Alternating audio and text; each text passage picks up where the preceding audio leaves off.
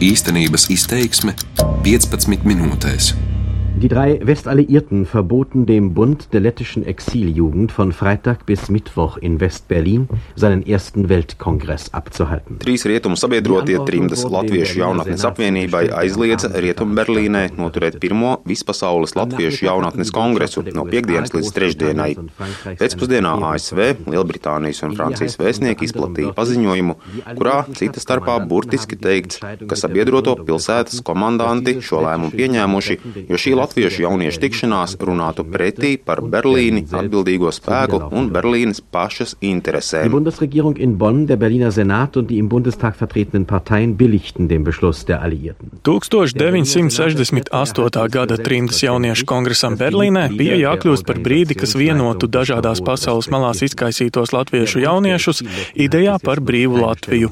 Taču tā laika Berlīnas varas iestādes lēma nekaitināt padomju savienību un ar sabiedroto atbalstu kongresu aizliedza. Līdz ar to jauniešiem nācās kongresu pēdējā brīdī pārcelt uz Hanoveri. Tomēr mērķi izdevās sasniegt divkārši, jo protesti pret aizliegumu un lielā pasaules mediju uzmanība latviešu jauniešus saliedēja pat vairāk. Atzīmējot 50 gadus kopš iecerētā kongresa, Latvijas Nacionālajā bibliotēkā 9. maijā formā uz notikumiem atskatīsies tā laika acu liecinieki.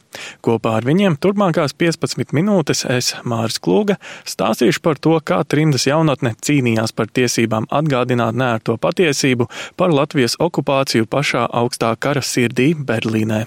Rasma Kārkliņa, toreiz 68. gadā vēl bija meitas vārdā Rasma Šī Šilde. Un es toreiz studēju politikas zinātnes Berlīnē un biju rīcības komitejas priekšsēde, jo tobrīd Berlīnē nebija pārāk daudz citu latviešu. Rasma Kārkliņa bija galvenā pirmā vispasaules latviešu jaunatnes kongresa rīkotāja. Tieši uz viņas pleciem bija lielākā nasta izlemt, kā rīkoties, kad 1968. gada 25. jūlijā, tikai dienu pirms kongresa atklāšanas, saņemta ziņa no Berlīnas militārās pārvaldes, ka kongress ir aizliegts. Man pašai bija gandrīz vai kā nervu sabrukums pēc tam, ka kaut kas tik negaidīts un tik intensīvs, un tev ir tā atbildība kaut ko nu, rīkoties un, un atbildēt un runāt ar presu un tā tālāk. Es biju galīgā šokā. Es tajā brīdī atrados Londonā. Un um, es biju ielidojis no Toronto, tad nāca rīkojums no Rasmus, ka man ir tūlīt jākāp lidmašīnā un jālido uz Berlīnu. Arī Valdis Liepiņš darbojās kongresa rīcības komitejā. Viņa uzdevums bija kongresam piesaistīt latviešu jauniešus no Ziemeļamerikas. Vienkārši tas bija no vienas puses prātām neaptverams, ka kaut kas tāds var notikties. Un tas arī varbūt liecina par to, ka mēs, mēs jau neuzskatījām, ka tas vispasaules kongress ir kaut kas tik milzīgs. Jā. Tā kā Rasmus saka, nu, aizliegt šitādu jauniešu kongresu, nu, lielā politikā ielikt. Tas, tas bija, es vienkārši, man bija ļoti, ļoti grūti to, to, to, to uztvert un, un izprast.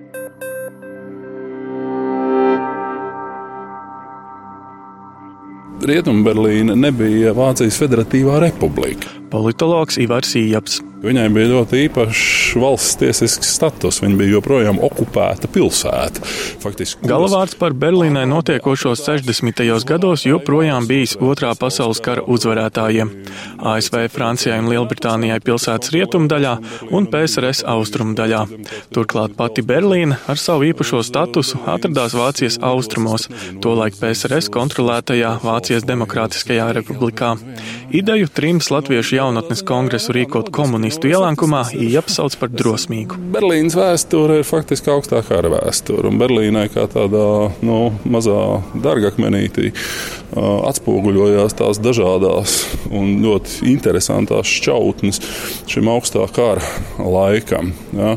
Nu, tas, ka latviešiem tur ir bijusi zinām darīšana, un ka arī latvieši ir šajā Rietumberlīnē mēģinājuši īstenot kaut kādas savas simboliskas iniciatīvas, tas noteikti ir pieminēšanas vērts fakts. Vispirms, astoņas dienas pirms atklāšanas, kongresu pārcelt negaidīti lūdza Berlīnas valdība un senāts, turpina Rasma Kārkliņa. Tas bija dīvaini, nekad tā skaidri neteica, kāpēc. Mm. Viņi tikai teica, nu, ziniet, pašlaik tas nebūtu mums Berlīnē tik izdevīgi, un vai jūs negribētu pārcelt savu kongresu kaut kur citur. Es teicu, pirmkārt, jūs saprotat, praktiski neiespējami. Mums ir viss norganizēts telps, noirēts 500 cilvēku brauc no dažādām pasaules malām, bet otrkārt ar uzreiz no, vērs uzmanību, tas politiski nav iespējams. Uz kādu pamatu? Es jau tur uz vietas biju, un es diezgan labi atceros dramatisko sēdi, vai ne, kur esmu kārkliņi. Bija sasaukusi sēdi un teikt, ko darīt, vācieši mums aizliedz. Atis Lejiņš, šobrīd saimnes deputāts. Nu, izraisīs spēcīgas emocijas, tas taču nevar būt un nevar būt un tā tālāk. Un rīcības komiteja nolēma, paliksim. Kas bija tie iemesli, kādēļ eh, nepakļāvāties? Nu, kā mēs, mēs brīvi cilvēki brīvā pilsētā, kā mēs piepildījāmies, ka tur nebija tāda pat prātā neienāca doma, ka mēs, mēs taču pilsoņi esam. Ja? izdevās uzreiz pievērst mēdīju uzmanību. Ja? Un tad mēs sapratām, ka mēs, ja mēs kongresu tiešām noturām, tas būtu vēl lielāka izdevība, kā jau mēs bijām cerējuši pievērst pasaules uzmanību, varētu teikt, Latvijas liktenim. Noskaņoti Berlīni neatstāt, latvieši uzmeklēja advokātu, lai saprastu savas iespējas. Tika apsvērta arī tiesāšanās, jo līgums ar kongresa halli jau bija noslēgts. Tomēr visiem centieniem strīpu pārvilka vāciešu vēršanās pie sabiedroto militārās pārvaldes, kas kongresu jau varēja aizliegt faktiski bez paskaidrojumiem. Tad mēs vērsamies pie tā eh, advokāta, un tas arī ļoti skarbi pateica to, ka tas pītība, eh, būtībā ir, kā es minēju, pēc kara laika tiesībām, kas vēl bija aktīvas tādā īpašā situācijā Berlīnē. Un viņi teica, es saku, nu, ko tas nozīmē? Viņi teica, viss kaut kā tas var nozīmēt. Viņi, mhm. teiksim, to nevar definēt. Mūsu savā ziņā iebaidīja. Nu, iedomājieties, kāds izklausās, vai ne, kā laika tiesības, ko viņi mums pat nedēļa rakstiski. Viņi teica, tā nav jūsu darīšana. Ja? tas tā ir un cauri, un paklausiet, samērā briesmīgi. Ja? Kādēļ kongresu bija lemts rīkot tieši Rietumberlīnē, Rasma Kārkliņa neslēpj. Mērķis bija izskanēt pēc iespējas plašāk. Ar vārdu sakot, Berlīna, Rietumberlīna bija tāds simbols, brīvības sala, brīvības simbols, un mēs arī tieši pret uh, komunistu varu, un tādā ziņā mums likās, ka mēs tur iedaramies, lai pacel šos jautājumus par to, kas notiek okupētā Latvijā. Kongresu gaidīja latviešu jaunieši no dažādām rietumu valstīm. Atis Lēņš Berlīnē ieradās jau nedēļu pirms kongresa atklāšanas dienas no Losandželosas. Pievilk bija tāda ļoti liela interese, tāpēc, ka tas ir pirmo reizi ka tiek rīkot nu, no visām pasaules malām, kur latvieši dzīvoja, no jauniešu kongresa. Un tāpēc es arī braucu. Savukārt šobrīd kultūras ministrijā strādājošais Andris Melakals, viens 16 gadu vecumā uz kongresu brauc no Anglijas. Mēs abi ar draugu tālu ozolu mēs eh, stopojam no, no, no, no Anglijas vidienas, jau mēģinājām tikt uz Berlīnu, kas bija tīri interesanti, un es vēl tagad nesaprotu, kā vecāki atļauj, mum, atļauj mum, mums to darīt, jā, tik jauniem puišiem. Jā.